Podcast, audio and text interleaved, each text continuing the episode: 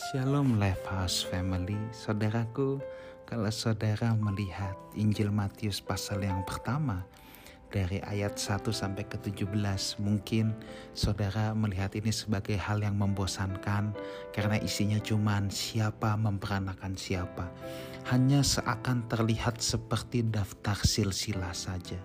Tetapi saudaraku sebenarnya tidak kebetulan silsilah ini ditulis sebagai pembuka dari perjanjian baru.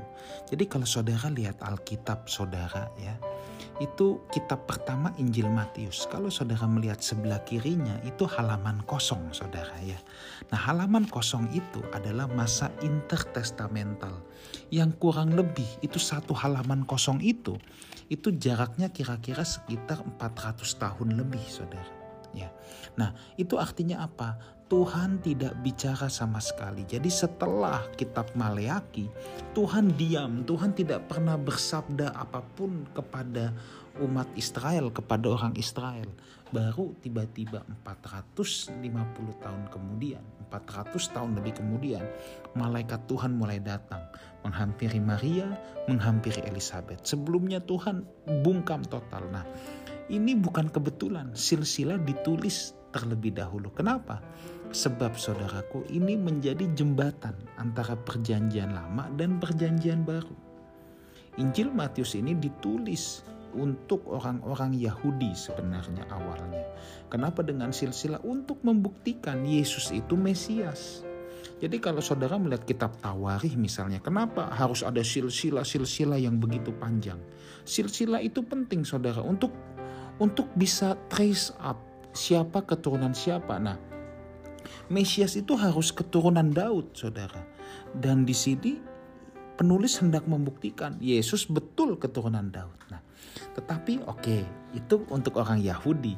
Sekarang untuk orang percaya gimana? Nah, saudara, kalau saudara menyadari atau tidak, ada hal menarik dari garis keturunan nenek moyang dari Tuhan Yesus, saudara. Ya, kalau saudara lihat anak yang kelima, Salmon memperanakan Boas dari Rahab.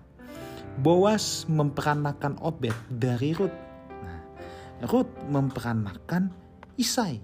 Isai memperanakan Raja Daud. Ini ayat yang keenam ya. Daud memperanakan Salomo dari istri Uria.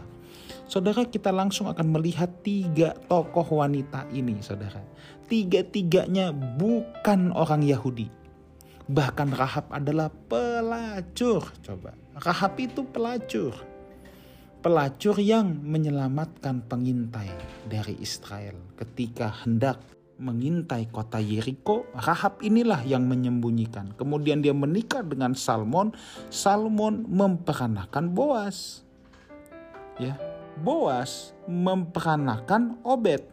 Nah, Obed ini siapa? Obed ini kakeknya Daud. Obed punya anak Isai, Isai punya anak Daud. Siapa Ruth? Again, Ruth ini bukan orang Yahudi, saudara. Nanti Daud memperanakan Salomo dari siapa? Istri Uria, Bathsheba. Itu juga bukan orang Yahudi, itu orang Gilo. Bukan gila ya, Gilo. ya Papanya itu orang Gilo. Nah, Saudara, kalau kita lihat di sini ya, apa makna yang kita bisa ambil? Bahwa keselamatan itu memang tersedia bagi bangsa non-Yahudi. Itu pelajaran terpenting yang bisa kita ambil. Yang pertama, keselamatan memang sejak semula Tuhan rancangkan untuk siapa saja yang kemudian menerimanya, bukan eksklusif milik orang Yahudi. Sejak dulu sudah ada orang-orang non-Yahudi bahkan masuk dalam silsilah Tuhan Yesus. Dua, kita bisa lihat Rahab pelacur saudara. Bathsheba juga bukan orang baik-baik. Tetapi Tuhan selalu bisa memakai siapa saja ketika orang itu mau berbalik kepada dia, Tuhan bisa memakainya. Saudara saya katakan ini bukan supaya hidup kita jadi sembarangan. Tetapi saya katakan ini bahwa siapa pun saudara, kalau saudara mau datang kepada Tuhan, Tuhan bisa memakai saudara. Tuhan bisa memakai saudara dan saya. Siapa pun saudara dan saya. Tuhan tidak mencari yang sempurna, Tuhan mencari yang mau. Saya berdoa kita semua menjadi alat-alat yang efektif di tangan Tuhan. Tuhan Yesus menyertai kita semua. Amin.